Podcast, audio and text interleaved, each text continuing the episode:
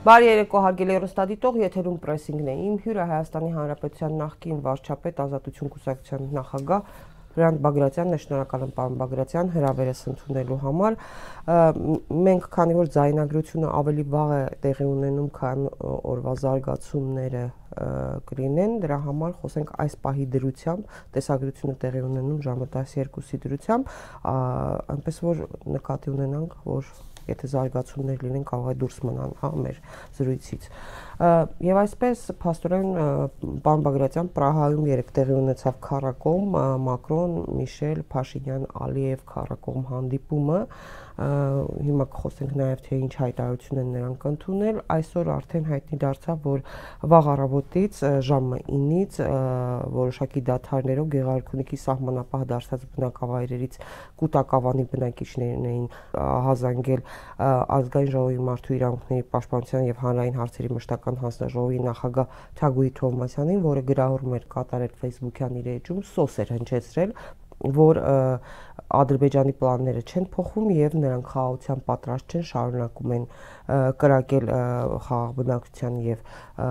տարածքների ուղությամբ իհարկե պաշտպանության նախարարությունը 168-ի հետ զրույցում հերքել էր թե նման միջադեպեր հա կրակոցներ հրաձգային զինատեսակներից տեղի են ունեցել ինչևէ հիմա խոսենք Պրահայում ընդունված հայտարարությունից պարոն Բագրատյան որը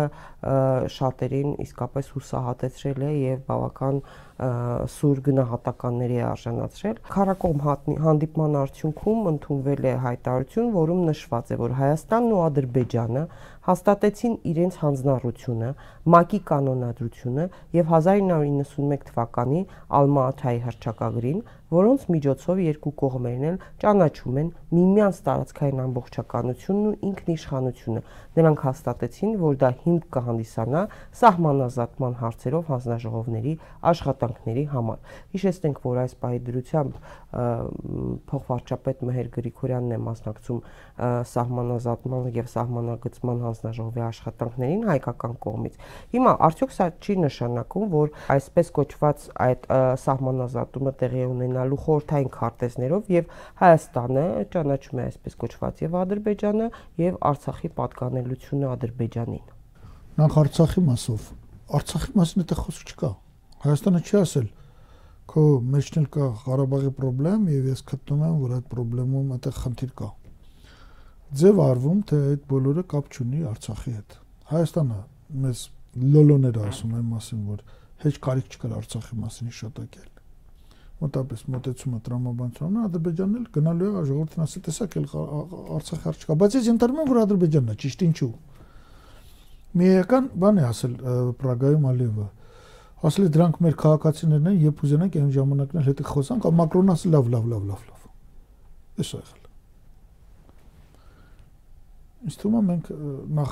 Փաշյանը կորցեց Արցախի տարածքի 75%, հիմա էլ 25%-ը մատաղանում։ Հանուն Հայաստանի ինքնիշխանության։ Իբր թե։ Լավ։ Երկրորդը, երկրորդը։ Քարտեզները։ Ինչ է նշանակում այդ քարտեզները։ Հիշեցնենք, որ Փաշինյանը նշել էր նշել էր 29800 Այո, Փաշյանը նշել էր 29800 Այդտեղ վեճ կա, այդտեղ չի նշանակում, որ վերջ Ադրբեջանը հեսը տարածքներ հետ կտա, բայց Սաբախ թերթը, Սաբախ թերթը թուրքական առաջատար թերթ է, այո։ Երկու առաջատար թերթ ունեն, կիսված ամբողջ։ Հուրիեթը եւ Սաբախը։ Մի ժամանակ Միլլետ թերթն էլ կա, բայց նա նշանակությունը հիմա իջել է։ Սաբախն ասում էր, չես գցանք, ձեր 27000 քառակուսի կիլոմետր։ Ինչի է Սաբախը դա ասում։ Ապուշա այնտեղ նստած, թե չի լսում, թե չգիտի, թե քարտեզ նայել չգիտեն, թե չունեն քարտեզ, թե Սաբախ թերթին քարտեզ նվիրենք։ Պարզմա Սաբաղը իզուր չի խոսում։ Նախ 2020 թվականի դեկտեմբերի 18-ին Վաղարշակ Հարությունյան կոչված մարդը, որը Հայաստան Հանրապետության պաշտպանության նախարարն էր, ստորագրում արձանագրություն եւ Գորիսից մինչեւ Ճակատեն հատվածը մեր հաշվարկով շուրջ 440 կիլոմետր հանձնում Ադրբեջանին։ Այդ ճանապարհը Գորիս Ճակատեն, որտեղ Ադրբեջանը Դավիթ Բեկի հատված Այնտեղ 3 հատված, այնտեղ ամբողջն, այնտեղ այնտեղ մոտարապես 100 կիլոմետր ճանապարհ է։ Մենակ Դավիթ Բեկի հատված չի։ Ներքին հանդի հատված եւ այլն։ Տարածքա որ տվել ենք եւ իմ գնահատմամբ օրինակ ես Ես գնահատում եմ առնվազն 450 քառակուսի կիլոմետր այդ տարածքին, որովհետև ճամփեն բացարձակապես մեր սեփականություններ։ Մենք ճամփը տվել ենք։ Տվել ենք Փաշյանն պարլամենտում ասած լավ եմ արել իրանցներ։ Իմ հրահանգով Էյվազլի, Էյվազլի եւ Չայզամին ասեց իրանց նեղել, հետո պարզեց որտեղ ոչ Էյվազլի բնակավայրը կա, ոչ էլ Չայզամի։ Հաջորդը, հաջորդը։ Այդ պրոտոկոլների համաձայն Ադրբեջանը, Ադրբեջանը անպայման կստանա եւ այն անկլավները իրանք ասում են 7-8, մերոնք ասում են 5-6, դա Քարքինա, Բարխուդարլինա, որոնց մասին ես բազմաց խոսում որ Բարխուդարլինը իրենց տարածք չի, այդտեղ պարզապես կայրան կար, այն ժամանակ քանի որ տրանզիտ երկաթգիծ չկար Իջևանով, գտնվում էր ադրբեջանական երկաթգծի բալանսում։ Ասկեպարն եւ այլ եւ այլն։ Այնտեղ որտեղ են հայկական սիրուն եկեղեցին կա, դա էլ իրենց տարածքն է։ Հոտ։ Ոնց որ Ասկեպարի եկեղեցին եւ Կանզասարը շուտով երևի մսկիթ կդարձնեն ու կասեն ադրբեջանական բաներ են, կուլտուրայի մնացորդներ են, դա բնորոշ է։ Այս բոլորը նատալու է։ Բացի դա, բացի դա հայկական կողմը խոստով անել էր 42 կիլո քառակուսի կիլոմետր զիջումը իրականում այնտեղ շատ ավելի շատ էր եւ վերջի հարցակմանը 8.5-ի 7.5-ի վրա դա մոտավորապես անում է 70 քառակուսի կիլոմետր 65 քառակուսի կիլոմետր դա էլ ենք մենք զիջել Այսինքն, եթե մենք ասում ենք Ալմաթայով ճանաչել ենք, բայց Ալմաթայով մենք կոնկրետ սահմաններ չենք ճանաչել։ Հասկանում եք։ Հա։ Եվ արդեն Ադրբեջանը եկել է քարտեզներով նույնիսկ վկայակաչելով Ալմատան Ադրբեջանը եկել է 19 թվականի ինչ որ քարտեզներով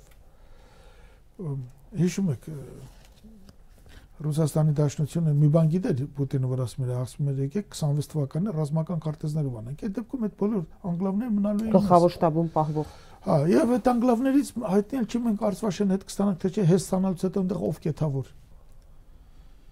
Բայց դա, բայց դա գիտեք ինչ կա։ Հիմա որ քարտեզներով են արվելու այն որ Ադրբեջանն է հիմա առաջ Ադրբեջանն ասում է 19-20 թիվ, Ադրբեջանն ասում է 19-20 թիվ, հայ Պուտինն ասում է 1926 թվականի քարտեզովան ենք լավ կլի, դա մեզ օգուտ է իդեպ։ Ահա։ Ամենա օպտիմալը մեզ համար դա է։ Իսկ Արման Եղոյան կար մի հատ, ասում էր 1976 թվականի քարտեզ։ ԿՊԱ-ական։ Այո, ԿՊԱ-ական։ Ահա։ Այսինքն շատ ավելի քիչ, քան թե Պուտինն էր առաջարկում։ Ահա։ Ինչ վերաբերում է թե որ քարտեզներով այդ մասին ջուրը բերան առել լռումա մեր Գրիգորյանը, որը պարզապես չի կատարում իր պարտականությունները, վախկոտ, կոնֆորմիստ։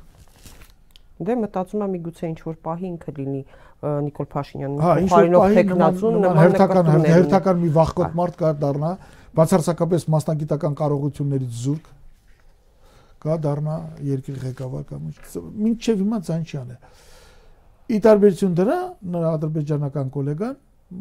բազմաթիվ ինտերվյուներ է տվել ադրբեջանական մամուլում վստահեցնելով որ շահած են դուրս գալու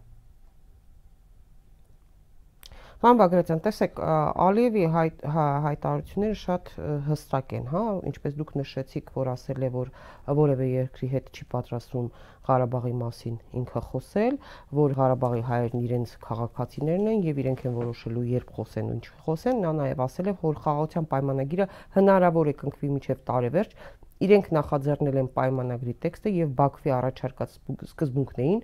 ոչ ոք չի առաջարկել։ Նիկոլ Փաշինյանը իր ընտանեկան թերթում հիշում եք ներկայացրեց առաջին հոդվածով հավաստի աղբյուր ստորագրմամբ Ադրբեջանի պահանջները, ծանոթ եք այդ պահանջներին, հա, սկսած նրանից, որ Արցախը չպետք է ունենա, հա, բանակ եւ այլն, հա, Միջանցքի խնդիր եւ այլն։ Հիմա Փաստորեն Ալիևը ասում է, որ որևէ առարկություն չկա ադրբեջանական կողմի եւ հայկական կողմն էլ, հա, Փաշինյանը ըստ էության ասել է, որ համաձայնել է այդ բոլոր կետերին 5 կետերին։ Դա ինչ կնշանակի։ Դա նշանակում է, որ մենք արդեն համոզվում ենք, որ Նիկոլ Փաշյանը Ալիևի ճուտն է։ Դուք երեք չտեսաք ինչպես էր թրջված հավի նման այդտեղ նստած։ Այստեղ է գալիս դուխից է խոսում եւ այլ եւ այլ։ Նա դա նշանակում է, որ մենք համոզվում ենք ամեն անգամ, որ ինչ ասում է Ալիևը, տենց էլ ստացվում է վերջո։ Ահա, նրանք բաց են խաղում։ Բաց խաղում է, վստահ խաղում է Հետո այդ իդեպ ասեմ Փաշյանը մի ուրիշ հայտարարություն էլ եկարեց, չեք նկատել։ Որը։ Այդ բոլորով հանդերձ Միջանսկի հարցը մնում է։ Միջանսկի իրենք չեն ասում, նա ձեզ խլում են, բայց փաստորեն խլում են։ Ասում է ես ճանապարհների մասին ասեցի, Ալիևը չարձագանքեց։ Ահա։ Այսինքն, եթե նույնիսկ 91 թվի սահմանով լում ենք, այդտեղ իրանք դնում են Միջանցքի հարց։ Իրանք շատ հստակ են դնում Միջանցքի հարցը։ Իրանք ասում են, դուք Միջանցք ունեք դեպի Ղարաբաղ, մեկ է Միջանցք պետք է դեպի Նախճեվան։ Բայց ոչինչ որ Ղարաբաղը բացարձակապես իրանց տարածքն է, որ եթե մենք խաղություն ենք կնքում, մեզ միջանց դեպի Ղարաբաղ, այդ դեպքում եթե տալիս են Ղարաբաղը նախնդեղ հայ չի մնալու, երկրորդն էլ ենթանենք մի գյուղում հայա մնաց ուզենան գնանք, Ադրբեջանն ասել է, «Պաշալստա, հիմա մենք չենք կարողանում վրացական գյուղեր գնել, կարողանում ենք Ադրբեջանն ասել է, «Եկեք, այդպես միջանց մեզ էլ պետք չի»։ Իսկ մեր Միջանցքի նկատմամբ, եթե Միջանցք մենք տալու ենք դեպի Նախճեվան, ապա դրվելու է էքստերիտորիալության սկզբունք։ Կարող ասեն դա Հայաստանի տարածքն է, բայց այդ տարածքը մենք ունենալու ենք լիմիտավորված օգտագործելու իրավունք։ Ում վերահսկողություն։ Կիսելու այդտեղ։ Ում Դու վերահսկողություն։ չգիտեմ, հիմա խառնում են, հիմա թուրքերը կուզենան, Ամերիկա Միացյալ Նահանգները ուզում են Թուրքի Թուրքիան էլի կամ ՆԱՏՕ-ի զորքերն էլ են։ Ռուսաստանը կփորձի ինքը վերցնի, իր ձեռքը վերցնի։ Ինքը վերահսկի։ Իրանը դրան դեմ կգնա եւ այլ եւ այլն։ Բայց Փաշյանը երեք ինքը այդքանից հետո, որ պայմանավորվել, ասում է չարձագանքեց Ալիևի իմ խոսքին եթե մամուլը ճիշտ է ներկայացրել նրա խոսքերը։ Դե օգտվում են նրա Facebook-յան գրառումներից։ Հա, այդ իրանք բոլորը Facebook-ան մամուլը ինքը գրում է Facebook-ում, ինքը Facebook-ում sense է վարվում։ Մենք արդեն տեսել ենք, ինքը խորամանկ տղա է, սուտասան խորամանկ տղա է միշտ ինքը հենվում է նրան մոտ, որ մեր ժողովրդի ուշադրություն դարձու խնդրում եմ. 25%-ը առնվազն 75%-ը կարող է եւ նորմալ է 25%-ը պարզապես որևէ անալիտիկ մտածողությունից զուրկ, էմոցիոնալ եւ այդ 25%-ի բանը ֆանատիկ վտանգներն է, որ ինքը միշտ կարողանում է բանը սոսնձվել միանալ։ Հա, ինքը հաշվար կանում այդ massայի վրա, դա իր հենարանը, ամենատգետ հատվածը մեր ժողովրդից մենք ունենք լուրջ Դրանք հիմա հիմնականում աղանդավորական շարժումներ են։ Աղանդավորական շարժումներ են, բան։ Այո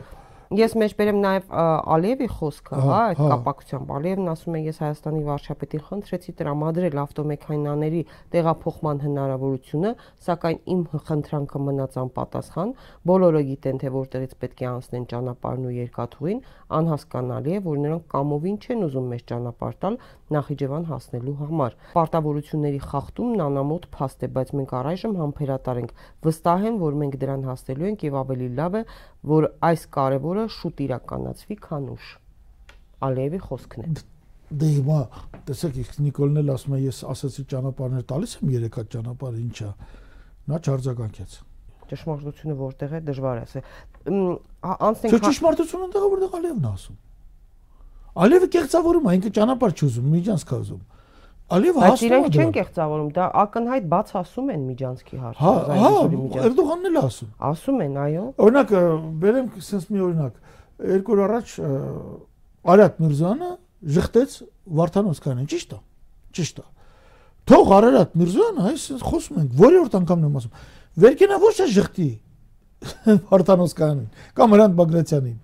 Թող Վերկենա ժխտի Էրդողան ասի, պայմանավորություն չկա Միջանցքի, դուք սուտ եք ասում երբեք իրենք չեն հակադարձել ոչ Ալիևին, ոչ Էրդողանին։ Ես չեմ հավատում Արադ Միրզյանին, ստում է։ Ընդհանրապես նրա պահվածքը, նույնիսկ նրա քայլվածքը նա չի սովորել նույնիսկ որպես դիվանագետ նորմալ քայլել։ Ես նրան համարում եմ ոչ մեկը։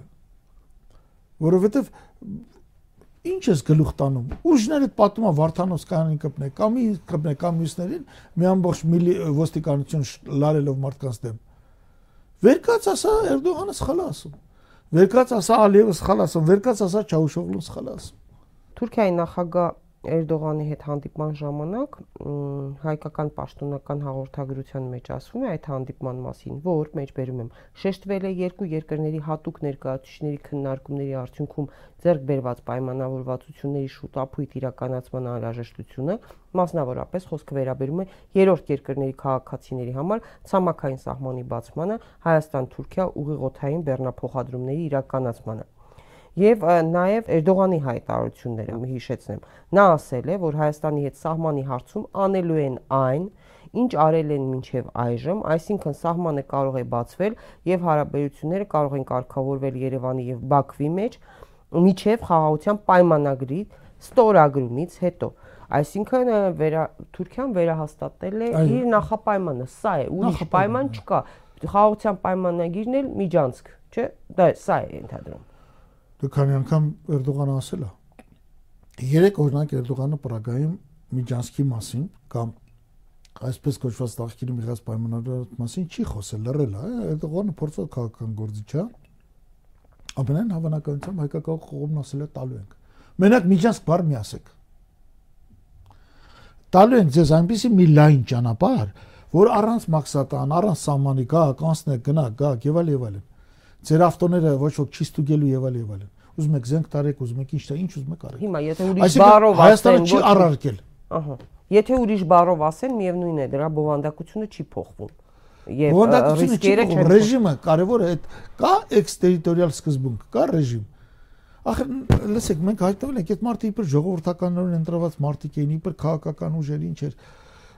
Փող վարչապետ կա, այդ տղան որ քննարկում այդ մեր Գրիգորյան կոչվածը, մեկը մեզ ինտերվյու բան չի տալիս, ինֆորմացիա չի տալիս։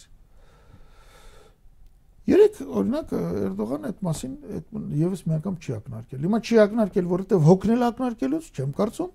թե չի ակնարկել, որովհետեւ Փաշյանն ասել է, օքեյ, այդ մասին չենք խոսում։ Տալիս ենք։ Քիչ աղմուկ արեք, որպեսզի իմ գործը Հայաստանում հեշտանա։ Պարոն Բագրատյան, Ալմաթայի հրճակագրի այդ կարևոր դրույթը հիշեցնեմ, մեջ բերեմ, հա, որին հղում են տալիս այս հայտարարության մեջ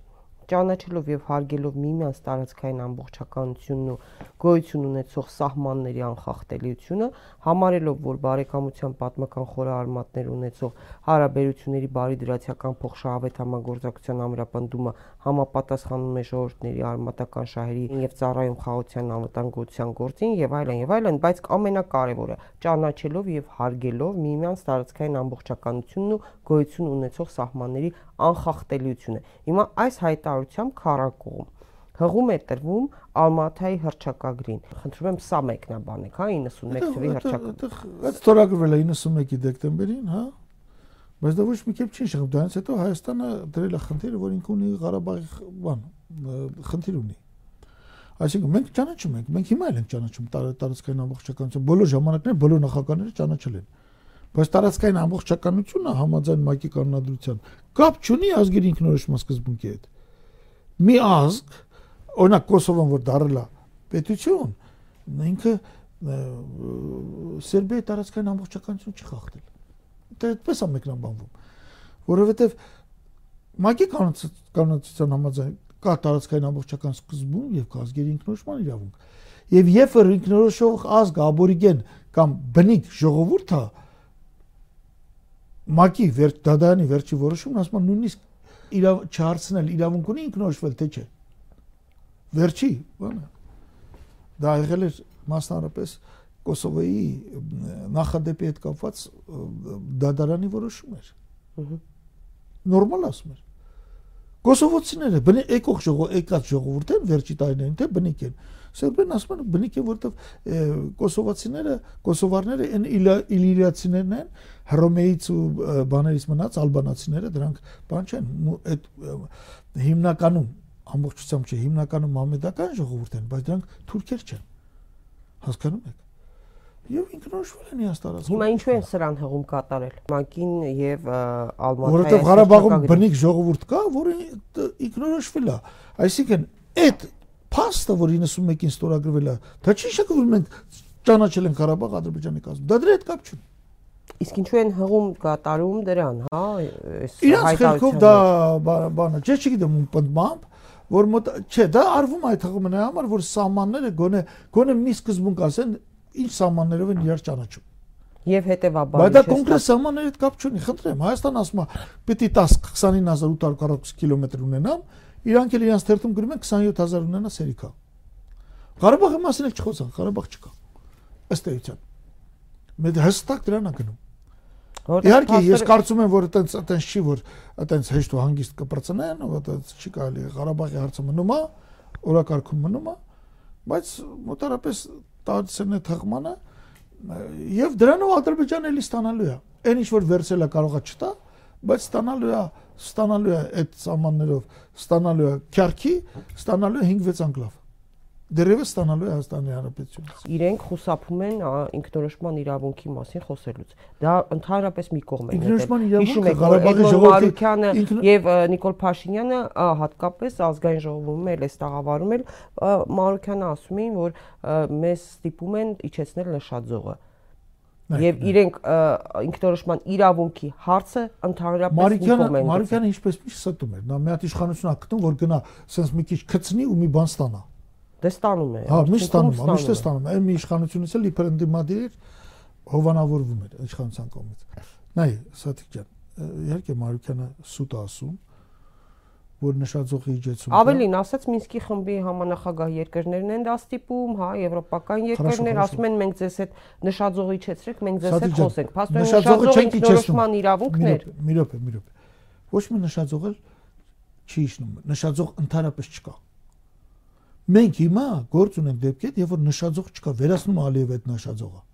Եվ այս այս առաջի դեպքն է, այս Պրագայում, որ Հայաստանի իշխանությունները ասում են Ալիևին. Ինչ ուզում ես, արա։ Հայաստանի իշխանությունը չի կարող Ղարաբաղի ժողովրդին ասի դու ինքնորոշման իրավունք ունես։ Ինքնորոշման պայքարը Ղարաբաղի ժողովրդի հուսով եմ կշարունակվի։ Բայց Հայաստանի իշխանությունը երկրորդ բանն ասում։ Ասում է Ղարաբաղի ցերկես լվացի քեզնից։ Հայաստանի իշխանությունը չի կարող ասի, պիտի լինես Ադրբեջանի կազմում Ղարաբաղը 3 մատից կոմբինացիա ցույց կտա Հայաստանի եւ կարող է սկսվել հայ Ղարաբաղյան, հայ Արցախյան պատերազմ։ Բայց Ղարաբաղյան իշխանություններին ասվում է, գնացեք ինչ ուզում եք արեք։ Դրանով պոտենցիալ կռիվ են գցում Հայաստանի եւ Արցախի միջեւ։ Սա է։ Լավ, իսկ եթե օրինակ Եվրամիությունը առաքելություն, հա, ուղարկի, որտեղ հիշում եք Նիկոլ Փաշինյանը Twitter-ում գրառում էր կատարել խաղարարներ էր ուզում, հա, դիտորդական առաքելություն էր ուզում։ Դա դա ինչ է հետևանքը։ Վստահ եմ կգան, որտեղ մեր սալդատները կանգնած են, սկզբից կասեն հələ մի 5 կիլոմետր հետ քաշվեք։ Հետո Ադրբեջանը կխախտի, հետո նրանք բողոք կանեն Ադրբեջանը խախտել է, տենց էլ կթողեն։ Հիմա օրինակ ջերմուկի մասում որտեղ են կանգնելու, ինչ է լինելու։ Այդ Նիկոլ Փաշյանը գիտի, իհարկե, այնտեղ որտեղ այսօր այսօր փաստացի գիծը կա, նրանք չեն գալու գիծը փոխեն։ Փաստացի գծից հələ մեր տարածքից պիտի գան կանեն, հələ մեզ էլ մի բան հետ են քաշելու։ Հա, գալու են իրենց քարտեզներով։ Եվ որ դու ասում ես մոնիտորինգ կլինի, բարի եղի սկզբունքը միանգամից ասա որտեղ։ Գալուս է մոնիտորինգ անի ինչ անի, երբ որ սահմանը դելիմատացված չի։ Դե կգան իրենց քարտեզներով կբերեն, ջերմուկներ, կապանել, ոչ մի քարտեզ ոչ ոք չի բերելու կոնկրետ զինվորներ կան հետա քարտեզը սահմանի որտեղ զինվորները փոխադարձաբար կանգնել են գալու են մեր կողքից գալու են կախքեն մեր դիրքերի մոտ կանգնեն մեզ ասել են մի քիչ հետ քաշեք այդ այդ այդ ոգևորված ինքը այդպես խոսում է ինքը չի հասկանում սատիկ մարդը ճունի փորձ, ճունի ինտելեկտ, ճունի կրթություն, ճունի խորը գիտելիքներ։ Նա չի հասկանում ինչ բանա դիտորդ բերել է, եւ որ դու պարտված ես։ Կիպրոսում հենա դիտորդները բերել են, քանի անգամ դիտորդները օգնեցին գիծը վերականգնելու մի դրվագի էլ անդրադառնենք շատ հետաքրքիր էր ուշագրավեր հատկապես այն դեպքում, երբ որ ոչ Թուրքիան մասնավորապես եւ ոչ Ադրբեջանը երբևէ հենց այնպես ոչինչ չեն անում, հա, իրենք այս խորհրդանշական թվերին, օրերին, անձանց, անուններին, գույներին նույնիսկ մեծ տեղ են տալիս եւ հետաքրքիր էր, որ Պրահայում այդ հանդիպման ժամանակ Փաշինյանի, Էժդողանի, Արարատ Միրզոյանի, Ալիևի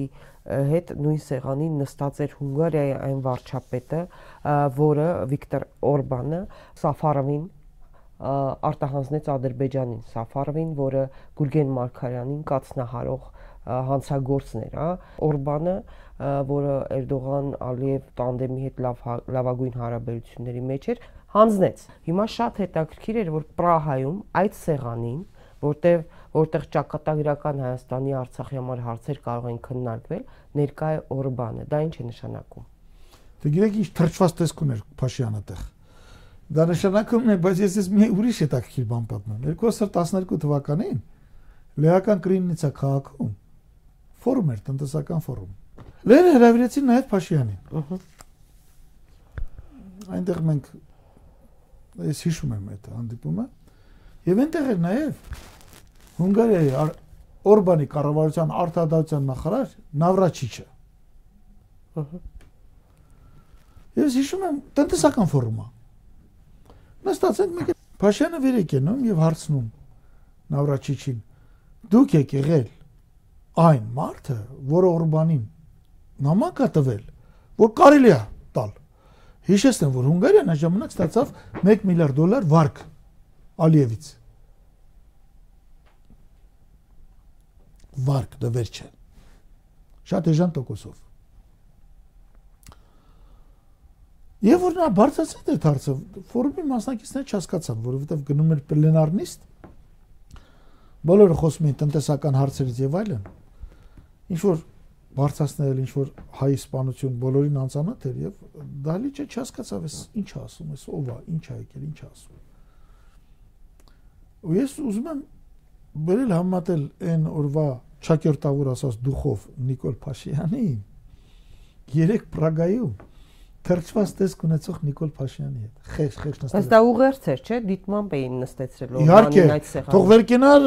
բանին Օրբանին ասեր դու մարդ չես, այդ ինչ արեցի։ Թող վերկենար, ասեր ես այդ սեղանին չեմ լինի մի մարդու հետ, ով Կամ թող վերկենար ասեր, այո, ես ստորագրում եմ 91 թվի Ալմատայի հիման վրա, բայց ես ուզում եմ անպայման նշած լինել, որ եթե այդ ինքնորոշման հարցը Ղարաբաղի ժողովրդի սուրբ իրավունքն է։ Գոնե այսքան բան նշեր որտեղից ասեր, այստեղ են վախենում ինքնորոշման իրավունքի մասին խոսել։ դե, Պարոն Բագրատյան։ Վախենում են հիմա իրանք դողում են, որ ինչ անեն։ Իրանք դաժե նույնիսկ այդ 27000 քառակուսի կիլոմետրին են համաձայն տասված, որ իհարկե ստացվի շատ 29000-ը վերադարձվի 800 20800-ը։ Բայց հələ այս մարդը խոսում էր ասում էր Ղարաբաղ Հայաստանը եւ վերջ։ Այս մարդը Վարշակարությանը, որը 440 կիլոմետր ներքև է ստորագրեց տվեց այդ ճանապարհները, ոչ միայն չբաժեց, այլ նշանակեց դեսպան Ռուսաստանի Դաշնությունում, որը ստեղ ընդեղ ասում է, գիտեք ինչ կա ասում է, այլապես Հասանովը սպառնում էր գրավել Գորիսը։ Ման Բագրատյան կարող ասել, որ Հայաստանը փաստորեն փոխում է արտաքին վեկտորը։ Փաստորեն սա սա եւս մեկ քայլ է, որ 180% շրջադարձ։ Որպեսզի Ռուսաստանին դուրս մղեն տարածաշրջանից։ Այո, այո, Հայաստանը դրա հետ համաձայնվել է երևում է։ Նիկոլ Փաշինյանը իր ընտանեկան թերթում նույնիսկ արդեն այդ հավաստի աղբյուրի հոդվածի անվան տակ, երբ ներկայացնում է Ռուսաստանի ներկայացրած առաջարկները, որը Պեսկովը անհեթեթություն անվանեց, Պուտինի խոսնակը եւ նաեւ այլ պաշտոնյաներ էլ արձագանքեցին դրան, որ դա ամբողջովին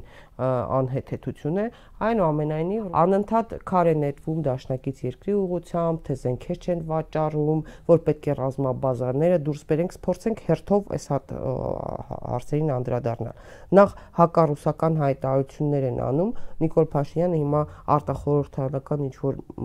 մարդ կուսակցությունների հետ անդադ քննարկումներ է չի անում Տիգրան Խզմալյան, չգիտեմ, Լևոն Շիրինյան, Արամ Զավենի Սարգսյան, Արման Բաբաջանյան, Հովսեփ Խուշուդյան, ինչ որ Դավիթ նրանց հետ համագործակցում են ուղարկի, հա, Ստեփան Գրիգորյան եւ այլն, առանձին անհատներ անընդհատ հակառուսական թեզեր են առաջ քաշում, կոչ անելով, որպիսի Հայաստանը դուրս գա ՀԱՊԿ-ից, դուրս գա Եվրասիական համագործակցությունից պայմանագրի շրջանակներում։ Սա ինչ հետևանքներ կարող է ունենալ Ռուսաստանը ինչ քայլեր կարող է կան կար կան երկարատև հետևանքներ նախ իմ ընդհանուր դիտողությունն ասեմ երբ որ գնում եք որևէ process-ի ասենք մակրոնի կամ ամերիկայի ես չգիտեմ դուք ճիշտ եք անում թե չէ կարիք չկա հակառուսականության ալիք բարձրացնել Կարծում եք դա ինքն է անում, թե օրինակ այս անհատները կամ այլ բան է, երբ որ արտախորհրդանական հանդիպումներ է ունենում։ Բոլորը արվում է Փաշյանի ցուցմունքով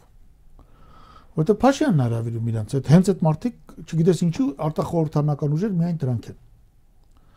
հակառուսական ուժեր վերջերս մի հատ մարդ կա անուն չեմ ուզում տան հravirեցին իբր թե այս մեկ հակառուսական չի դրանք դուրս են գալիս անում են հայտարարություններ պատմությունից տրամաբանությունից քաղաքականությունից զուրկ մարդիկ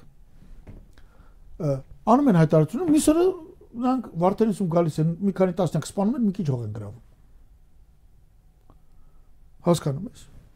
Պարզա Ադրբեջանը հասկանում է կամ էլ սիգնալ է ստանում, դա ինչ ուզում ես արա։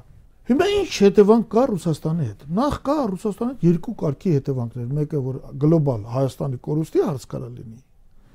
Մյուսը որ մինչև այդ կորուստը Ռուսաստանը կարող ավերի Հայաստանի տնտեսությունը։ Այսօր գազիկին է։ Մինիմում 1500 դոլար է։ Հայաստանը ստանում 165-ով։ Մեկ խորանարդի մեջ Ռուսաստանը սուբսիդավորում է 1335 դոլար։ 2 միլիարդի մեջ դառնում է 2 2 միլիարդ կուբամետր ենք ստանում խորանարդ մետրը։ 2.6 միլիարդ դոլար։ Հայաստանը Ռուսաստանից ստանում է ամսական 220 միլիոն սուբսիդավորում էներգետիկայի ոլորտում։ Ամսական է։ Այն որ հանկարծ մենք լսում ենք, որ Եվրոմիությունը դատական գործը բայլավելու համար 5 միլիոն գրանտ է տվել։ Ծիծաղելու թվեր են։ Մի ժամանակ 90-ական էսկրիմին սա այդ համատել էր ամերիկյան օգնությունը, որը տարեկան տարեկան ոչ թե ամսական 200 միլիոն էր կազմում։ Հիմա այդ 200 միլիոն դառնա կարծեմ 15-20-ի թվի կարգ, կարգի թիվ։ Դուք պատկերացեք Ռուսաստանի օգնությունը, բայց նրանք օգնում են այդ մարդկանց անունետենք, դրանք մեծ մասը, գուցե որոշ բացառություններ կան, որևէ ձևով որևէ գրանտային ծրագրի է մասնակցում իր հիմնարկով բանով արևմուտքից ֆինանսավորում ստանալու։ Չի կարելի Ռուսաստանին հասցնել այդ վիճակին։ Երբ որ մեկը ասում է, որ դուրս գանք հապկից, նույնիսկ ռուսական զորքը հանենք, ուզում եմ ասել, ինչի համար է հապկից դուրս գալ, ասենք ասում է Իրանից զենք առնելը գնա առ Բա Ամերիկայի հետ հարաբերությունը սերտացնելու, քանի որ մենք լավ ենք Ռուսաստանի հետ, Ամերիկան մեր լավ չի կարող լինել։ Իմ պատասխանն է միշտ լում, ընկեր ջան, Ամերիկան ու Ռուսաստանը թող իրանք բարձեն Հայաստանը ինչ են անում։ Դու ինչ գործ ունես իշխանամերձ որոշ շրջանակներ եւ այդ հա այս այսպես ասած արևմտամետ իրենց ներկայացնող որոշ շրջանակներ քննարկումներում այսպեսի հարց են դնում որ Միացյալ Նահանգները զենքով եւ այլ աջակցություն կցուցաբերի Հայաստանին միայն այն դեպքում, եթե Հայաստանը դուրս գա ՀԱՊԿ-ից։ Իհարկե Նենսի Փելոսին այստեղ երբ որ հարց բարձրացրեցին, նա ասաց, որ Հայաստանը ինքը պետք է որոշի ինչ անել Դա օգնություն չէ, դենց օգնություն չի լինում։ Հայաստանում ծավալում են հակառուսական ալիք։ Ուրեմն սաթիկ մենք հապկի մեջ ենք։ Մենք Ռուսաստանի հետ փոխադարձ պայմանագիր ունենք, առաջ անգամ է սա ասվում։ Ես ընդհանրապես մի քանի բան կասեմ, որ առաջ անգամ ասում։ Որովհետև չենք ուզում, որ Ռուսաստանը մեզ դաշնամություն անի։ Նախ առաջ։ Հասկացեք դրանց իմաստը։ Եվ եթե վարչապետը կամ ազգային ժողովի նախագահը կամ պաշտպանության նախարարը չեն հասկանում, խնդիր ունի ժողովուրդը, ում է բերում իշխանության։ Որտեվ եթե մենք հապկից դուրս ենք գալիս չէ Ռուսաստան ասա, օքեյ, 5 հոգի ենք, մնացինք 4-ը կամ 6 հոգի ենք, մնացինք 5-ը։ Ռուսաստան արդեն մտածելու է ինչ ձև անի, որովհետև միևնույնն է դրանից հետո Թուրքիան ու Ադրբեջանը Հայաստանը իրանց իրանց մեջ են, իրար մեջ են կիսելու։ Ինչ ձև անի դրան մասնակցի ընդհանրապես։ Միթե 1920 թիվը մեզ դաշ չի եղել։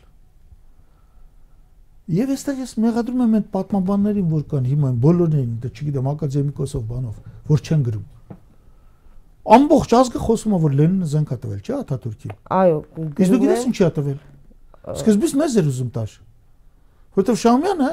18 թվականի ամռանը, մինչև իր ամա, Քաջազնունը նամակ գրեց, ասեց. «Լսի, Հովանես, ընկեր ջան, բոլշևիկյան Ռուսաստանը որ կա, դուք դրա դեմ ընչեք դրան դեմ։ Հայաստանը մնացել էր Անտանտի կազմում եւ Անտանտի կազմում 14-րդ պետություն էր, որ կռվում էր բոլշևիկը Ռուսաստանի դեմ։ Այստեղից Շամյանին ասում էին դա խուժան իշխանությունը հեսա հանելու են։ Շամյանն ասում էր ընչի է բանանում համագործակցում Դենիկինի եւ Յուդենիչի հետ։ Օրինական իշխանությունը բոլշևիկներն են։ Բոլշևիկները տեսան հույս չկա, հույս չկա 20 թվականի ուրեմն 20 թվականին զենք տվին Աթաթուրքին ասին հարցելուցի։ Հիմա կարող է Ռուսաստանը նույնը կրկնելու է։ Հետո եկան մեզ փրկին։ Հիմա նայի, հետաքրքիր է։ Եթե մերոնք բոլշևիկներից համագործակցում էին, շուտ էին համագործակցում որպես Ռուսաստանի իշխանության օրոք 70000 քառակուսի կիլոմետր մերն էր։ Նույն բոլշևիկներն ասում են Սևրով ձեզ տվել են 169-ը։ Սևրը 2020 թվականի օգոստոսի 10-ին էր, եթե իշխանությունը չի դավաճանում։ Ձեզ ինձ պետք է ասում էր, որ թուրքական պետությունը մնա։ Նրանք համարյա թե ոչնչացրել են Սևրով թուրքական պետությունը մոտապես 250.000 քառակուսի կիլոմետր պտել են։ Այդ հայա Աթաթուրքի լուման եկավ ստեղծեց 780.000 քառակուսի կիլոմետրանոց պետություն։ Դա չպետք է լիներ։ Արեք դուք մի քիչ ավելի քչով բավարարվեք։ Մենք էլ ձեզ օգնենք եւ այլ եւ այլն։ Եվ մեր դեմ էլ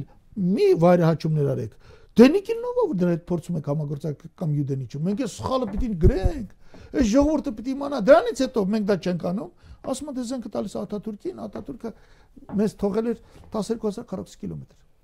Աթաթուրքը Քազիմ Կարաբեկիր Փաշան, հեսա պատմությունը։ Ոչ ոք չի կարա շղթի։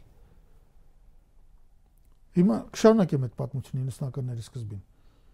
Եվ որ լինի տեսավ չէ թուրքերը բավարշե համահանում են, Աթաթուրքն էլ վրազերես առավ արդեն հակա Ռուսաստանի հայտարարություններից։ Այս ժամանակ գոնե բանակն եկավ, մեզի 30000 քառակուսի կիլոմետր տարած գրավեցին։ Մենք չունենք ոչ մի բան արդեն։ Նույն ձևի 90-ականներին։ Նորից բան եմ ասում, որ երբեք չի ասվի։ Արա, եթե Ռուսաստանը մեր բարեկամ չէ, ամեն անգամ Ռուսաստանը հասկացնում է եղեք իմ բարեկամը ռեգիոնում։ Մեզ ինքը ված չի վերաբերվել եւ ոչ միայն տնտեսական հարցով, էժան էներգակիրներ եւ այլ եւ այլ։ 92-ի ամռանը մեր վիճակը այնքան ծանր էր։ Ֆրոնտում, հատկապես Մարտակերտի հատվածում, այն 500 հոգին որ տարան, ոմանք պայթեցին ականապատված դաշտերում։ Մեր զորավարներից ոմանք ասին դե լավ, ես էլ բան չեմ դու ասա։ Իմ գործը գրող զբաղվելն է, թողին գնացին նույնիսկ Հայաստանից հեռացան 7-8 ամսով։ Եվ որ Վազգեն Մանուկյանին բերին պաշտպանության նախարար, հասկանում եք։ Այս ժամանակ ոչ ոք չի կարող ուրանել։ Այնպիսի մի օգնություն ցույց տվեցին ռուսները, որ իրավիճակը ռազմաճակատում շուռ եկավ։ Դա պատահական չէ, ես մասնակցել եմ այդ օգնության կազմակերպմանը Եգոր Գայդարի Դեյնեկայի հետ, բանը պաշտպանության նախարարի տեղակալի հետ հասկանում եք այդ մասին բայց հիմա արդյոք Ռուսաստանը այդ մասին գրված է Ստուպիշինի գրքում Մայա միսիա Վարմենի այսինքն Ռուսաստանը երբեք մեզ ցույց չտուր որ վատա Եվ իմ կոչն ինչ ախպեր ջան, հա, հա զարգացեք ձեր հարաբերությունը Ֆրանսիայի հետ։ Զարգացրեք Ամերիկայի հետ։ Բայց ձեր որպես ղեկավարի պարտավորությունն է նա, որ դա չլինի Ռուսաստանի հաշվին։ Ընդհանրապես նման հարցադրումն անգամ սխալ է Ռուսաստանի հաշվին։ Այդ իրանք են մոգոնը, ես չեմ հավատում ամերիկանասի, ամերիկան միշտ էլ ասել է, սաթիկ, մենք Իրանի հետ տարեկան 300 միլիոն դոլարի առևտուր ունենք։ Մի անգամ ամերիկան ասել է, փակեք ճամփեն։ Ես լավ հիշում եմ, կարող եմ ասել, երբ որ Բոլտոնն եկել էր Հայաստան, 4 տարի առաջ ասել պիտի փակեք։ Իմ առաջ որպես վարչապետ քանի անգամ դրվել է, ես ինչ ես անում, փոխանակ փակես կամ ուրջ ես կառուցում։ Ես հիշում եմ նաև նախկին իշխանությունների օրոք Սերժ Սարգսյանի կառավարման ժամանակ էր կարծեմ, երբ որ Իրանի դեմ պատժամիջոցները խստացրեցին, Միացյալ Նահանգների դեսպանը որոշ օրինակ բանկերի եւ հատկապես կենտրոնական բանկի ներկայացուցիչներին փակ հանդիպումներում զգուշացրել էր, որպեսզի զերծ մնան որոշ գործարքներից, հա, հաշվի առնելով Իրանի եւ Ամերիկայի հակամարտությունը, բայց այնուամենայնիվ Հայաստանի իշխանությունները այն ժամանակ կարողացին դիմակայել եւ հանուն Հայաստանի շահերի առանց նախապայմանների համագործակցել եւ Միացյալ Նահանգների հետ եւ Իրանի հետ շարունակել։ Սաթիկ ջան Երբ որ մեր առաջ միշտ խնդիր են դրել, պիտի փագեք, պիտի փագեք, մենք հասկանում ենք, որ պարզապես խոսում են, մենք երբեք չենք փագել։ Նույնիսկ Բոլտոնը, որ եկավ ասես պահանջի փագեք, չփագեցինք։ Այ միակ զիջումը որ եղել է, կենտրոնական բանկի նախագահ Արտուր Ջավադյանը, որպեսի դուր գա։ Հիմա հատուկ հանձնարարություններով դեսպան։ Հա, դեսպան են իհարկե։ Հա, իդեպ Թող մի քիչ ստուգեն դրա արած գործերը, ինչա սեփականաշնորհը նույն Վարդանաս փողոցի վրա եւ այլն, քանի կոպեկով, քանի սար վերավաճառ է, այդ Նիկոլ Փաշյանը, որ Հիմա Նիկոլ Փաշյանի։ Այդտենց ոչ, հա, որտես պայքարում է իբր կոռուպցիայի դեմ, այս մի հատ լավ լավ օրինակ է այդ մարդը։ Այդ մարդը միակն էր իր կաշին փրկելու համար, որ միլիարդ բանկին զրկեց թղթակցային հաշիվներ ունենալու հնարավորությունից վալյուտային փոխանցումներ։ Արելա։ Այդտեղ միակ տեղն է, որ մենք զիջել ենք։ Եվ իզուր ենք զիջել Ես միշտ լավ հարաբերություն եմ ունեցել ամերիկացիների հետ։ Ու ես ասել եմ, մենք 4 հարևան ունենք, երկուսը փագա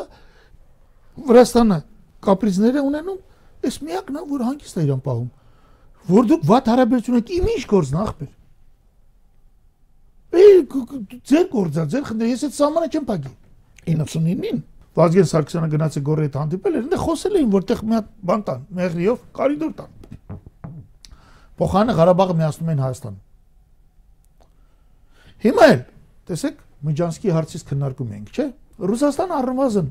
4 անգամ հայտարարել է, որ Միջանսկ Հայաստանի տարածքով չի ուզում։ 3 անգամ Ավերչուկը, մի անգամ Լավրովը։ Փաշյանը թերթում գրում է շահառուն է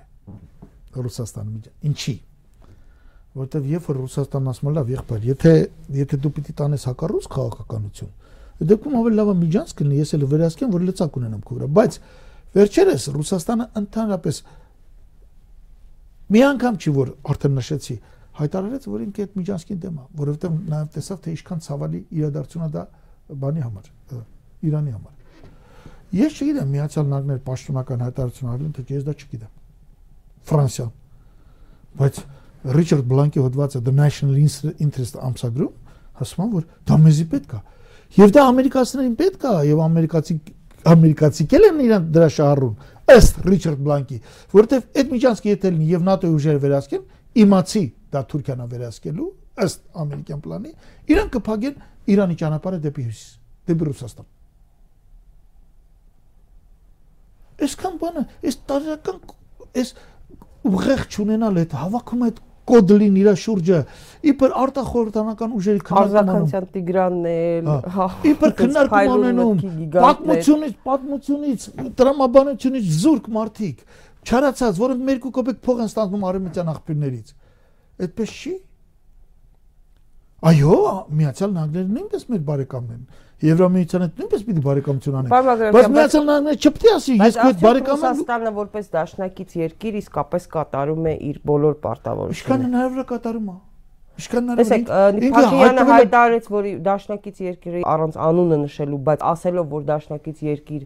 երկիրը զենք չի վաճառում, հա, մեզ միակ դաշնակից երկիր ունենք այդպիսի հարաբերություններով, դա Ռուսաստանն է, հետո ասաց ես Ռուսաստանի անուն չեմ տվել, բայց պաշտպանության նախարարությունից մեզ պատասխանել էին, որ որևէ բան չկա, հա, պայմանավորվածության խզում կամ բան չի եղել, զենքի պահանջի հետ կապված եւ այլն։ Դե գիտես, դա ինչ է։ Սատիկ ջան, հերթական անգամ եմ ասում։ Նախ նշենք, որ էլի նախկինների կնքած պայմանագրերի հիման վրա է 200 միլիոն վարկի շրջանակներում, որը ժամանակացույց ցույցի գալիս է եւ այս ընթացքում էլ 44 օրյա ընթացքում էլ ձեռք են բերել։ Հիմա ես Փաշյանի ոչ մի խոսքին չեմ հավատում։ Այդ մարդը զբաղված է խառնակցությամբ, ինքդ ես ասում։ Տես մեն սեպտեմբեր արսին քանի գիքս արեց։ Ասես գնում եմ 29800 ստորագրեմ, հետո ասես ոչ մի բան չեմ ստորագրում։ Ասելա։ Ասելա։ Էդիկն ասել։ Ինքը վախեցավ, երբ որ ժողովուրդը Բաղրամյան փողոցը փակեց։ Հա, հետո ասես սարսափած մտավ, ասեց ոչ մի չեմ ստորագրում։ Նիկոլ Փաշյանը 10-երես ունի ամեն մի հարցն ասելու։ Ինքը հայտարարում է, որ մեր դաշնակիցին փող տվել զենք չտվել, ինքն ասում է, «Էդի Ռուսաստանը չի»։ Բա ով է։ Հասկանում ես։ Հասկանում ես նրա հետ աշխատելը, նրա հետ բանը աննարին է նրա մակարդակը բան այդ երբ որ մարդը այս այսքան է ինքը փորձում է ինքը փոխաղում է 25%-ի վրա որ ասեցին որ մեկ անալիտիկ ուղեղ չունի լավ սպառնալիքի հաջորդ հաջորդ իսկ ինչ վերաբերում է Ռուսաստանի վատ վերաբերմունքին իր կամ զենք տալ չտալու Էդո որ արտախորհրդանական ուժեր հավաքում։ Արա բարվակում ես արտախորհրդանական ուժին գերջան։ Հելում ես աղոր Ռուսաստանին քրվում։ Քոյտ խորտային տարածքում նույնիսկ Մերձալպյան հանրապետությունում այդքան Ռուսաստան չեն քրվում, ինչքան Հայաստանում։ Հələ տեսեք ինչ լրատվության միջոցներ ունեն։ Ավելի նույնիսկ այս ռուսը ուկրաինական հակամարտության ընթացքում եւ երկրներ կան այդ թվում եվրոպական, որ նույնիսկ քննադատում են, խիստ քննադատում են Ուկրաինային այս պատ հակամարտության։ Տեսնում եք, չէ, Իլոն Մասկի դեմ ինչ արշավեսցել, որ ասենք հայտարարությունները նույն այդ պատերազմում ես իհարկե հայտարարությունները արել ի պաշտպանություն դատապարտել են պատերազմը եւ խաղաղության կոչար։ Սա սա կարա լինի լավագույն հայ հայ դրվածքը, բայց մարդիկ կան գրում են նույնիսկ Ընենց այս ժամ բաներ են անում, ընենց այս ժամ բաներ։ Ենթանեք մի հերոս տղա կար, լավ ճանաչում էի։ Ազդեցիկ տղա էր։ Գիտեք, Ուկրաինայից մի հերոս ունենք, Արմեն Պետրոսյան։ Նա զոհվեց եւ Պերեչին քաղաքում նրան հուղարկավորեցին մի շաբաթ առաջ, հուղարկավորեց ուկրաինացիք բոլորը ծնկի էին եկել։ Ներկայացնում են, տեսեք ուկրաինացիք ինչքան լավ են մեզ վերաբերում ծնկի են եկել, իհարկե լավ են վերաբերում։ Իհարկե մենք ուզում ենք խաղաղություն ուկրաինացիներին, բայց ուկրաինացիք Ուկրաինայում գրեթե կաթոլիկական եկեղեցում, երբ որ մարդուն ուղակավորում են, փողոցով անցնում են մարդիկ ծնկի են գալի բոլոր դեպքերում։ Հասկանում եք ինչ են գա։ Հա, բայց կներեք, մոռանում են Արցախյան 44 օրյա պատերազմի ժամանակ Ուկրաինայի ռազմական օգնությունը ու հուտում էին հայտարարությունները Կիևում կախած էին բիլբորդները Կիևում կախած էին բիլբորդներ որով ուկրաինացիները ասենք չէ ճանաչել էին ադրբեջանի տարածքային ամբողջականությունը տարածքային ամբողջականությունը բոլորն են ճանաչում Հայաստանն էլ ճանաչում չէ ուզում դա չի նշանակում որ կապ ունի ինքնո Ղարաբաղի ինքնորոշման հետ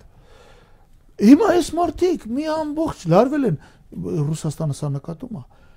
Երբ որ Նիկոլ իմացի դու հավաքում ես քո մոտ արտախորհրդական ուժերն, ատվետք են գալու է Դուք գիտեք, Ռուսաստանից ատվետք են գալու Բայց մեկը։ Ռուսաստանի համար այդքան կարևոր է։ Կարևոր է, շատ կարևոր, որովհետեւ Ռուսաստանի համար կարևոր է, բայց իրանք ասենք ալիք են փոխում։ Չէ, դա չի էական։ Իրանց իրավունքն է ինչ ուզում են անեն, ինչ հիմարություն ուզում են մտածեն հիմա Իրանք գրում են Նիկոլ, իրանք գրում են- դեմք են։ Չէ, բայց իրանց Նիկոլ Փաշյանն է ընդունում, ուրիշ մարդի չի ընդունում։ Սա է խնդիրը։ Հա, պաշտոնական մակարդակով։ Էս է խնդիրը։ Այդ այդ մարդը դիտման բանում, ասել թե այդ նուժել Նիկոլ Փաշյանը այդքան գաղափար կամ ուղեղ չունի, որ ասի ինչ գործ ունեմ։ Եվ վերջապես մի երրորդ պատճառ, որ Ռուսաստանը վատա վերաբերվում, Ռուսաստանը քանի անգամ Հայաստանի խնդրել է մի քիչ համբերեք։ Ռուսաստանը գոյաբանական խնդրի առաջ այսօր կանած։ Ռուսաստանը այսօր չգիտի ինչ ալնելու հետագայում։ Ավելի ճիշտ ես կարող եմ ասել հետագայում ինչ է լինելու։ Կամ այստեղ կամ Ռուսաստանը որևէ ձևով պատվաբեր խաղություն պիտի ստանա,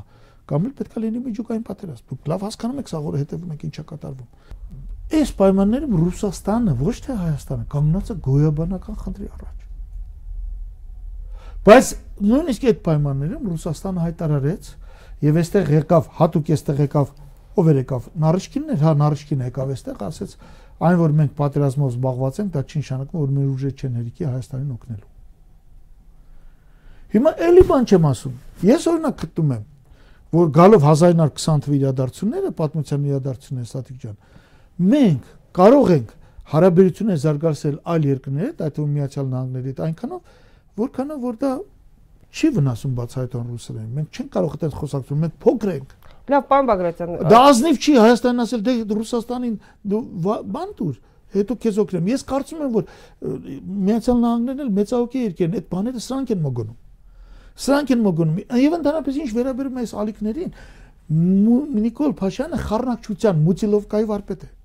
Նա այդպես էլ չի թվում է Միացյալ Նահանգներն էլ չի վստահում վերջնական։ կոնստրուկ ոչ ոք նրան չի վստահում։ Նրանք տեսնում են, հիմա կգա կվազի կետա Ռուսաստան։ Ռուսաստանից կվազի կետա Մակրոնի մոտ։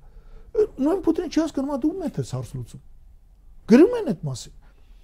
Երբ որ մարդը ունի կրթություն, ունի ինտելեկտ, ինքը դες խափելու մանիպուլյացիայով եկել է իշխանության։ Ինքը ինչա, խոշոր տնտեսագետ է, խոշոր ռազմական գործիչ է, խոշոր քաղաքական գործիչ է, պոլիտոլոգ է, չգիտեմ ինչը, ոչ բան։ է։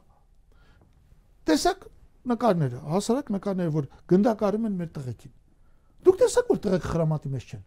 Այո։ Այդ ինքը չէր ասում խրամատ պետք չի փորել։ Տեսակ ինչքան քանի ինչքան միլիոնավոր դրամներ էին ազգային ժողովի ճաշարանի վերանորոգման համար տվել նայ, նորից։ նայ, նայ, նայ, Տես- ս- ս- տեսակ միլիոնավոր Ես դրամներ տարբերություն բյուջե։ Նիկոլ Փաշինյանի, ես բանակ ծառայած մարդ եմ, սովետական բանակում, խիստ պայմաններում ծառայած մարդ եմ։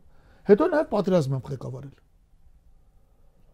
Սովետական միությունում ցախ կողմից կախված էր ավտոմատ, աջ կողմից կարճ բաղը։ Եվ հրամանային տել պարկած տեղը խրամատը փորել։ Պարկած, չկանգնես որ թշնամին քեզ չխփի։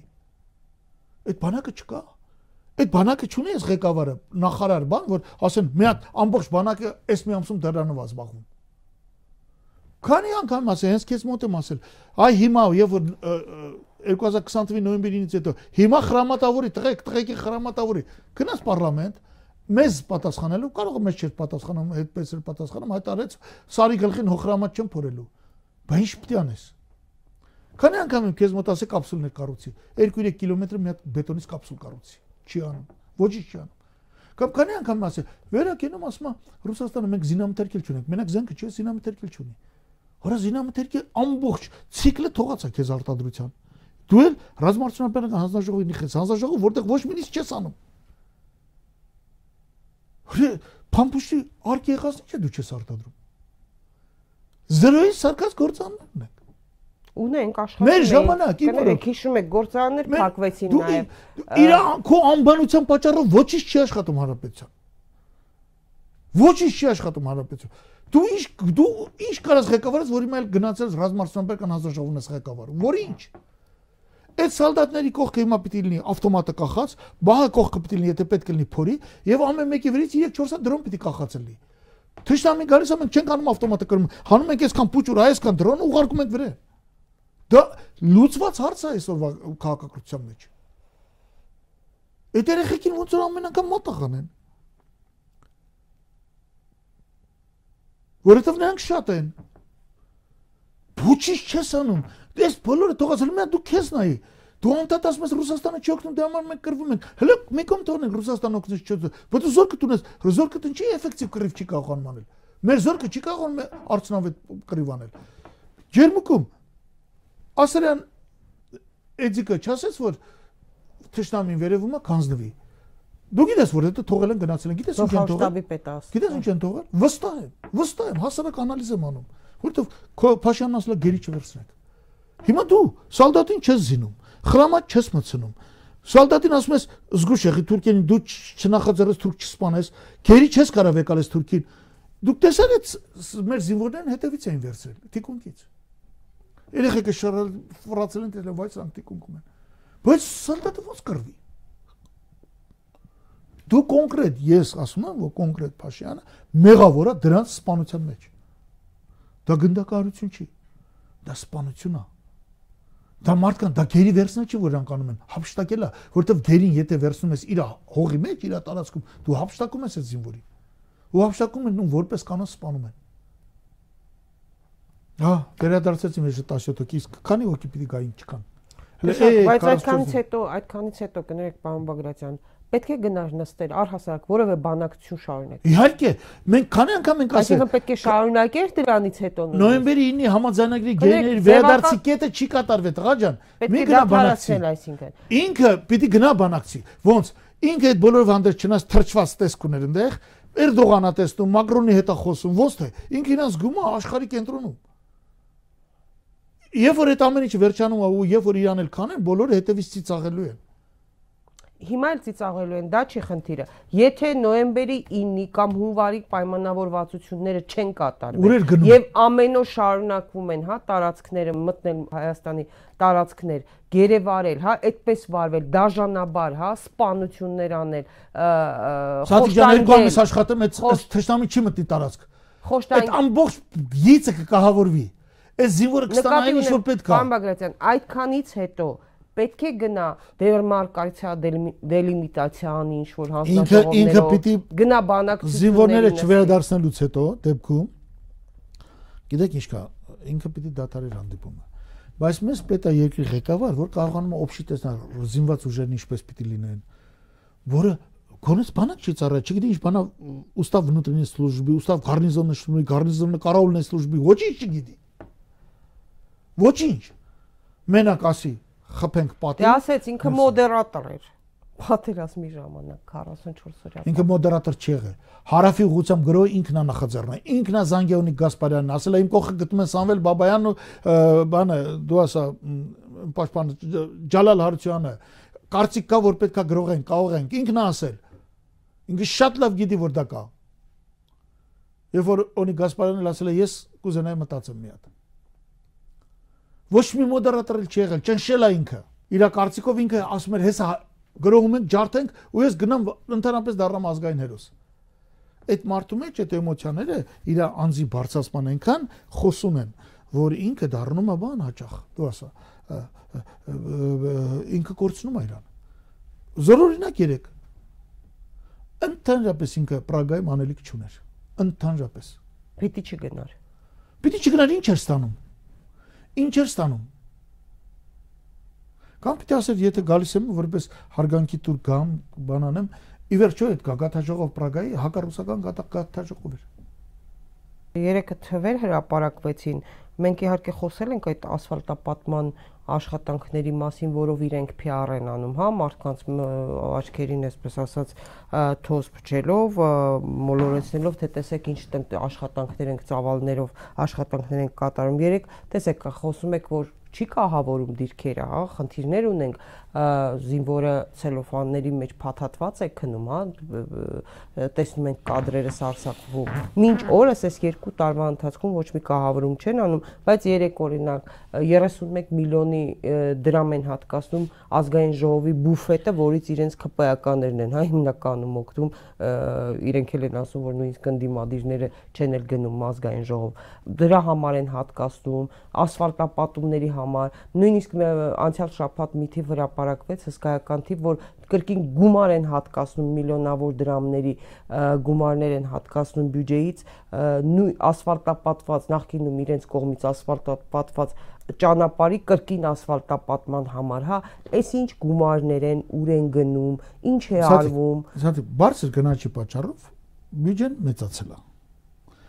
Այս տարի 8 ամսում մենք ստացել ենք 1 տրիլիոն 340 միլիարդ եկամուտ, անցյալ տարվա 8 ամսա տրիլիոն 50-ի նկատմամբ ավելա 25%-ով։ 25%-ից 14.5% այդպեսին է գնաճը բարենամթերքի գնաճն է 10% էլ քանի որ տնտեսական աճ կա բացի գնաճից իսկ տնտեսական աճից էլ խոսեմ մի կողմ մի խոսքով ցուցանիշ կա կարելի ասել որ բյուջեի աճ կա ճիշտ է ափսոսելով որ դա գնաճի հիմնական հիմնականում գնաճի աճվն է չասեցի 100% ինչ ա եղել տնտեսությունում? 8 ամսում 8 ամսում մոտարապես 80000 մարդ հայկել Ռուսաստանից Այդ մարդիկ իրենց հետ բերել են մոտարպես 1.78 միլիարդ դոլար բանկային հաշիվներում։ Եվ կանխիկ։ Տնտեսական աճի հիմնական բանը ծառայությունների ոլորտն հարտապես ռեստորաններն ու հյուրանոցները։ Հասկանում ես։ Այդ մարդիկ փողը բերել են, ստեղ հաց են ուտել, մի օր էլ այդ մարդիկ գնալու են։ Էսա մեր տնտեսական աճը, այս որ ասում բարձր տնտեսական աճ ունենք, ինքը դա չի հասկանում։ Էս հնարավոր չի Փաշյանի սա բացատրել։ Հնարավոր չի։ Հիմա Այո, ինքը հիմնականում փողերի, լրացուցիչ պոյկած փողերը մեծ մասը ծախսում է ՆՎԴ-ի վրա, որի ֆինանսավորումը հասնում է բանակին արդեն, որը իրան պահի։ Ոստիկանները։ Եվ իբր ճանապարհներ է սարքում։ Հիմա այդտեղ էլ հնայի այդ 12%-անց աճի ֆենոմենն է։ Այսա խոսում ենք կա մի հատ Սուտասան Ստեփան Մնացական, որը անբարեխիք ձևով ստում է։ Ոնց է ստում բացադրեմ։ Իրանք էլ խոստովանում են։ Անցյալ տարի, նախանցյալ տարի, որ իրանք հանձնեցին Ղափանի ճանապարհը, Տաթև, Հալիձոր, Հալիձոր, Տաթև, Աղվանի այդ ճանապարհը սարքեցին դեպի Կապան։ Դա մի հատ ճանապարհ է, այնտեղ են որ բանել կա, ճոպանուղին կա։ Այսինքն, sense գնացող ճանապարհ, լավ սարքեցին։ Ճանապարհը շահգործեցին 7 օր հետո քանդվեց։ Ինչի քանդվեց։ Նախ ինքը բարդ տեղանքում է։ Եվ երկրորդը ճանապարհը քիչ ասֆալտ արել ասենք արել են 10 սանտիմետր, գրել են 25 սանտիմետր։ Եվ երրորդ ամենակարևորը, ասենք այնտեղ որտեղ ջուրը պիտի գնա, դրած է դե խողովակ են դնում, որ ջուրը ճանապարհի վրով չանցնի, չէ՞։ Խողովակի ասենք նույնիսկ տրամաչափը չէին կարողացել հաշվել նորմալ, ջուրը հելել էր ճանապարհը լվում տաններից, գնաց է եկել եմ Facebook-ի իմիջում արձագանքել եմ։ Այդ ճանապարհը ամիսը մեկ թազա ասֆալտ ասֆալտապատում են։ Ասեմ որ ի սկզբանե ճանապարհի պատասխանատուն Սուրեն Պապիկյանն էր։ Հասկանում ես։ Հիմա Եվ որ մի հատ ճանապարհը սարքեցին, իրան գրեցին հնայի մեջ մտավ, չէ՞, ծավալի աշխատանքը։ Հետո քանդվեց այդ ճանապարհը, նորից են սարքում։ Հին հնայից հանեցիք ինքեր այդ ճանապարհը։ Այս ձևի այս տղան Ստեփան Մնացականը կուտակում է հնայի ցուցանիշ։ Թեպը բայց չեք իմացել 11 12% աճում ենք։ Զամի այլանդակ բանա։ Բայց վարչապետ չկա, որ մի անգամ վերքին ասի լավ, ես գործերով եմ զբաղվում, հետո դեմ տեսնեմ ինչ է կատարում։ Բայց որպեսզի նա հասկանա, գնա, նայի ճանապարհի էս, որ հնան ոնց է հաշվում, ոնց են կրկնակի հաշվարկի մեջ մտցնում հնան, ինքը պիտի մակարդակ ունենա։ Ինքը չունի այդ մակարդակը։ Ինքը գնա ազգային ժողով, վերքենա ասի, հա, վերքենա ասի օրինակ Ռոբերտ Քոչյանը ստորագրել է, Ռոբերտ Քոչյանն է ստորագրել։ Տղա ջան, կլինի թուղթի նա ստորագրած Քոչյանի ստորագրած ցույց տաս։ Ազգային ժողով Էրդողանի Ալիևի հետ հանդիպումից առաջ ազգային ժողովում այդ ելույթը ասեց ես չեմ տվել Քոչարյանը, Սերժ Սարգսյանը ընդ որում ասենք թե մադրիդյան սկզբունքներին հղում կատարելու, Կազանին, որ ժամանակին ասում են Կազանը լավագույն փաստաթուղթ։ Կարող եմ ենթադրել, որ դա արել է իրանց ցուսմունքով։ Ալիևի Էրդողանի։ Այո, Այսինքն գնալու հնարավոր է կամ ցուսմունքել, եթե չի եղել, ցուսմունքել չի եղել, ինքը հաճանում է իրանց։ Ասում է, տեսեք, ես հիմք եմ նախապատրաստում նրան, որ Ղարաբաղը վերջը ի վերջո ձեզ կմնա, ու պրճոմ ժողովրդի քիչ մարդու մոտա մտքով անցնում այդ մոմենտին հասկանաս, որ ասի, լավ է Ռոբերտը, եթե ստորագրել կլինի, թողտի ցույց տա ստորագրած։ Կներեք, կամ էլ չէ, եթե ստորագրել է Ռոչարյանի կամ Սերժ Սարգսյանի, Ալիևը ինչի չէր վերցնում։ Հա, ինչի չէր վերցնում։ Հա։ Եթե ստորագրել է, տվել էին, ասում ես չէ, սпасեմ Նիկոլ Փաշինյանը գայից ձեռքից։ Այսինքն ինքը այդ մոմենտը մտավ ազգային ժողով, այնտեղ իշքան падգամավոր կար, այդ մոմենտի մարդկանց մտքով չի անցնում է։ Մի հատ խառնակցության բառնում, հա, դուրս է գալիս։ Փող այս մարդը վիճակի չի տնտեսությամբ զբաղվելու, ռազմարտությունաբերական համալիրով զբաղվելու, ճանապարհաշինությամբ զբաղվելու, ոչ մի բանով չի զբաղվում։ Դա անաշխատունակ է։ Պարոն Բագրատյան, Պրահայի հանդիպումից հետո արդեն սոցցանցերում որոշ շրջանակներ, արեմտամետ շրջանակներ նշում են, որ Պրահայում հանդիպումը եւ այդ հայտարարությունը ակնհայտորեն Ռուսաստանի դուրը չի գալու, նույնիսկ նշում են, որ Ռուսաստանը կարող է հրահրել պատերազմ, դա հակառուսական թևն է ասում, հա, Ռուսաստանը իհարկե բավական կոշտ է արձագանքել այդ հանդիպմանը, արտաքին գործերի նախարարության խոսնակ Զախարովան ասել էր Ադրբեջանի եւ Հայաստանի միջև հարաբերությունների կարգավորման ուղղությամբ արևմտյան քաղաքականությունը լիովին հավասարակշռված քաղաքականություն չէ եւ նրա խոսքով արևմտյան որոշ միջնորդների ընդհանրապես չի կարելի անվանել խաղաղության միջնորդ։ Խնդրում եմ ասեք, ում է նկատի ունեցել Զախարովան հավելելով Ռուսաստանը դեմ է աշխարհակաղակական խաղերին, որոնք կարող են հանգեցնել իրավիճակի խիստ խաթարման։ Այս իրավիճակը արդյոք հղի է պատերազմի վերսկսումով ավելի լայնածավալ, այսինքն կամ կարող է Հայաստանը դառնալ Ուկրաինա օրինակ։ Անպայման։ Անպայման։ Ռուսաստանն ասում է, թե Հայաստան կա, դա իմ դաշնակիցն է։ Իմ ձերս մի փախցրեք այդ դաշնակցին, Հետո ինչ որ այդտեղ մի անպատրաստ ղեկավար կա, մի թրջվածի մեկը, ես դա թույլ չեմ տա։ Կրկնվել է ինչ 1920 թվին եղավ։ Ռուսաստանը նախ դասա տալու մեզ ադրբեջանցիների ու թուրքերի ձեռով, հետո ինչ որ գործողություններ ծավալի արդեն ադրբեջանցիների ու թուրքերի դեմ եւ այդ թվում նաեւ ոչ միայն ռազմական, հա, գործողություններ, այլ նաեւ տնտեսական ամեն բան կարող։ Նու տնտեսականը մեկից մեկ ալնելու հայրին տեղը դնելու համար։ Դա կարտահայտվի գազի գնում։ Նախ եւ առաջ։ Ամիս 200 արդեն ասեց 200 միլիոն դոլարի սուբսիդիա եք ստանում, հրաժարվում եք։ Իսկ վտանգ չկա, որ նույն Ռուսաստանի հայերին կարող է ասել գնացեք ձեր երկիր։ Նահավարոտ, Ռուսաստանի բնակչությունը պետք է դες բան չի անի հայերի նկատմամբ։ Կասիկ խոսա ոչ ոք չի կա մի 5-6000 հոգի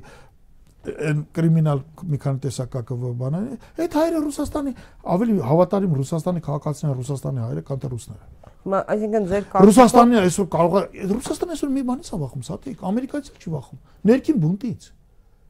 Իսկ այդ հայերը, որ կան այնտեղ այդ 2 միլիոն, այդ ներքին բունտի մասնակիցը չեն, այնտեղ կարող է երկու հոգի լինի, բայց դրանք չեն մասնակցում։ Այդ տեսակետից ռուսական իշխանության համար դա ավելի ստաբիլ տարա։ Հիմա ըստ տեսակետների էլ կարող է նաև արևմուտքի կողմից հրահրվել Հայաստանի իշխանությունների եւ Ալիևի Էրդողանի տանդեմի, հա, այս երակողմ պայմանավորվածության արդյունքում նոր ճակատ բացվի Ռուսաստանի դեմ։ Հիմա երկու տարբերակ կա։ Ռուսաստանը կարող է կազմակերպել դա, հա, եւ երկրորդը կարող է Ռուսաստանը չի կազմակերպել։ Ռուսաստանը այնպես մի պահված կանտոն, որ Ադրբեջանը հասկանում է կարող հարցակվի ռուսական օգնություն չի լինի, այսօր հատուկ բան չանելու։ Բավական է Ռուսաստանը հայտարարել, որ գազի գինը բարձրացնում է, Ադրբեջանը հասկանում է, всё, Արմենիա впала в немилость, հասկանում ես։ Դա, այդպես է։ Ինչ վերաբերում արեմուտքին նորից եմ ասում, շնորհակալ ենք ախպեր գալիս եք, մտածում եք մեր մասին, գույ ինչ որտեղ օգնում եք, եթե մակրոնը մյուսներ չլեր գուցե դա էլ չունենայինք։ Եթե օրինակ եթե Աստված մի արասցե պատերազմ լինի, ինչպես ասենք նույն Ռուսաստանն էլ որևէ ոչ աջակցություն տա կատարի Հայաստանին, ուղղությամբ ոչ էլ ընդհանրապես նույնիսկ բանանի, հա, ոչ էլ աջակցի։ Ադրբեջանը արևմուտքը, հա, Եվրոպան, Միացյալ Նահանգները մեզ կօգնեն զենքով։ Այս բան չեն կարա լոգիստիկա չկա։ Զենքի լոգիստիկա ունի Իրանը, Հնդկաստանը, Ռուսաստանը։ Արևմուտքը լոգիստիկա չունի, արևմուտքը հազիվ Ուկրաինան է օգնում։ Էթո հիմա էլ օգնի, հենա ոնց է ինքը համարում է որ Ուկրաինայի վրա հարցակվել են զենքա տալիս։ Հայաստանի վրա Ադրբեջանը հարցակվել, դե ուր։ Ոնց թե դու ասում ես դու ասում ես Ռուսաստանի հետ հարաբերությունը վատացու համենայն տենց է գրում բանը Փաշյանական մամուլը, ես չգիտեմ։ Ռուսաստանի հետ հարաբերությունը վատացու որ ես քեզ օգնեմ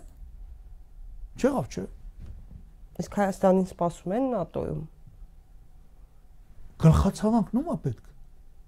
Ես վախենամ, որ Ռուսաստանն է որոշել։ Արա դե լավ, միգուցե ժամանակն էս գլխացավանքից ազատվեմ։ Առայժմ դեռ ոչ։ Ռուսաստանը Հայաստանը պահում ոչ թե նրա համար, որ Հայաստան իրան պետք է։ Պահում նրա համար, որպեսզի Թուրքիան ու Ադրբեջանը չմիանան ու вообще չայլանդակեն Ռուսաստանը։ Հետո գնա հասնի Թուրանական աշխարհ։ Էլի մի հատ փոչուր Հայաստանը պահում դրանց։ Դրա համար մենք չափազանց մեծ արժեք ունենք Թուրքիայի համար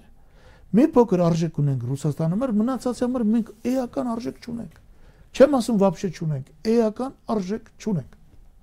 Եվ վերջում, պարոն Բագրատյան, նախին նախագահների ֆորմատը ֆորմատի մասին կարճ խոսենք շատ բավական հասարակության մի զգալի հատված լուրջ սպասումներ ունի վեհապար հայրապետի Հովանու ներքո այդ հանդիպումներից նույնիսկ առաջարկներ եղան, որ ընդարձակեն այդ ձևաչափը նախկին վարչապետերի ընդգրկեն եւ այլն։ Նախը եթե դեզ առաջարկեն որպես նախկին վարչապետ կմիանաք այդ ձևաչափին թե չէ։ Եվ Հայաստանի հարցն է եւ ինչ սпасելիք ունենալ, հա, այդ ֆորմատը գերագնահատում ենք, թե թերագնահատում ենք։ Այդ ֆորմատը պետք է կարողանա մի լրացիչ գլծակ լինել նրանով, որպեսզի Նիկոլ Փաշյան հերոնեշխանությունից Չի կարողանում ինքը կառավարել։ Ինքը պիտի գնա։ Ինքը չի կարողանում հասկանալ։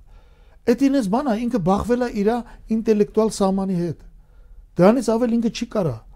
Բոլորը պիտի հասկանան դա։ Ինքն էլ արդեն պիտի հասկանա։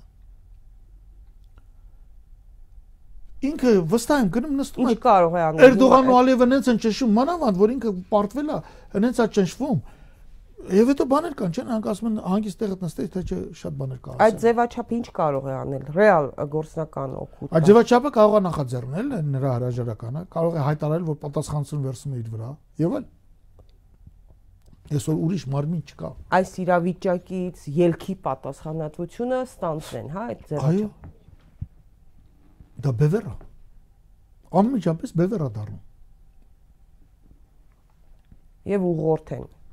հասարակության այսօր այսօր դա այն է ինչ պետք է հասարակությանը Շնորհակալ եմ պարոն Բագրատյան հետաքրքիր զրույցի համար։ Հարգելի հեռուստադիտող, իմ հյուրներ Հայաստանի Հանրապետության նախկին վարչապետ, Ազատություն կուսակցության նախագահ Հրանտ Բագրատյանը կհանդիպենք հաջողություն ձեզ։